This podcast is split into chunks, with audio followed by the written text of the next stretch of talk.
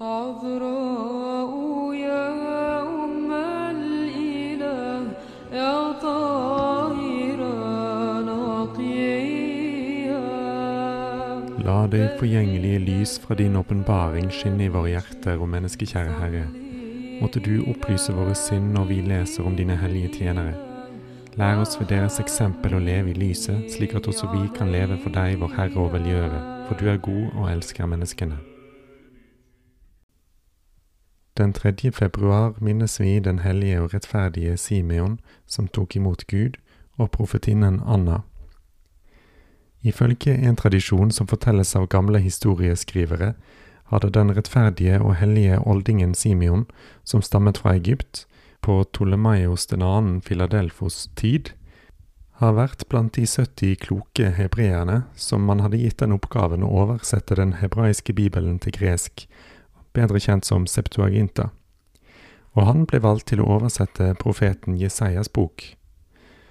Og da han var kommet til det berømte stedet hvor profeten forkynner om Jesu jomfrufødsel, i det han sier Se, en jomfru skal bli med barn og føde en sønn, og hun skal gi ham navnet Immanuel. Jesaja 7,14. Da ble han ganske forvirret, tok en kniv for å viske ut ordet jomfru og erstatte det med ung kvinne. Men i dette øyeblikket viste seg en Guds engel for han og hindret han i å endre den hellige teksten, idet den forklarte for han at det som virket umulig for han, var i grunnen en profeti om Guds sønns komme til denne verden, og for å bekrefte sine ord lovet engelen ham at han ikke skulle se døden før han hadde sett og rørt Messias som var født av jomfruen.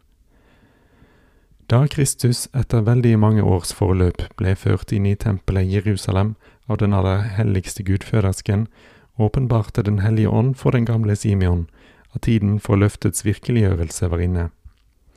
Han reiste da til tempelet, tok barnet i armene sine og kunne av hele sitt hjerte si til Gud, Herre, nå lar du din tjener fare herifra i fred etter ditt ord, for mine øyne har sett din frelse, som du har beredt for alle folks åsyn. Lukas 2, 29. Han hensovnet da også i fred noen dager senere. Denne tradisjonen har en mer symbolsk enn historisk verdi, ettersom den forutsetter at hellige Simeon hadde nådd en alder av minst 270 år ved Herrens komme. Den forkastes av hellige Nikodimos og de fleste av fedrene, men vi gjengir den her fordi den på billedlig vis minner om den ortodokse fortolkningen av denne Jesajas-profetien, som forvanskes av rasjonalistiske eksegeter.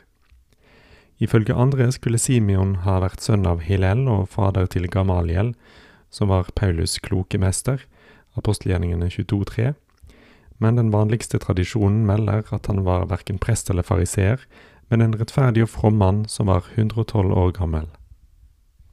Hellige Simeons relikvier ble æret i Konstantinopel og lå i Hellige Jakobskirken, som var bygget på keiser Justins tid.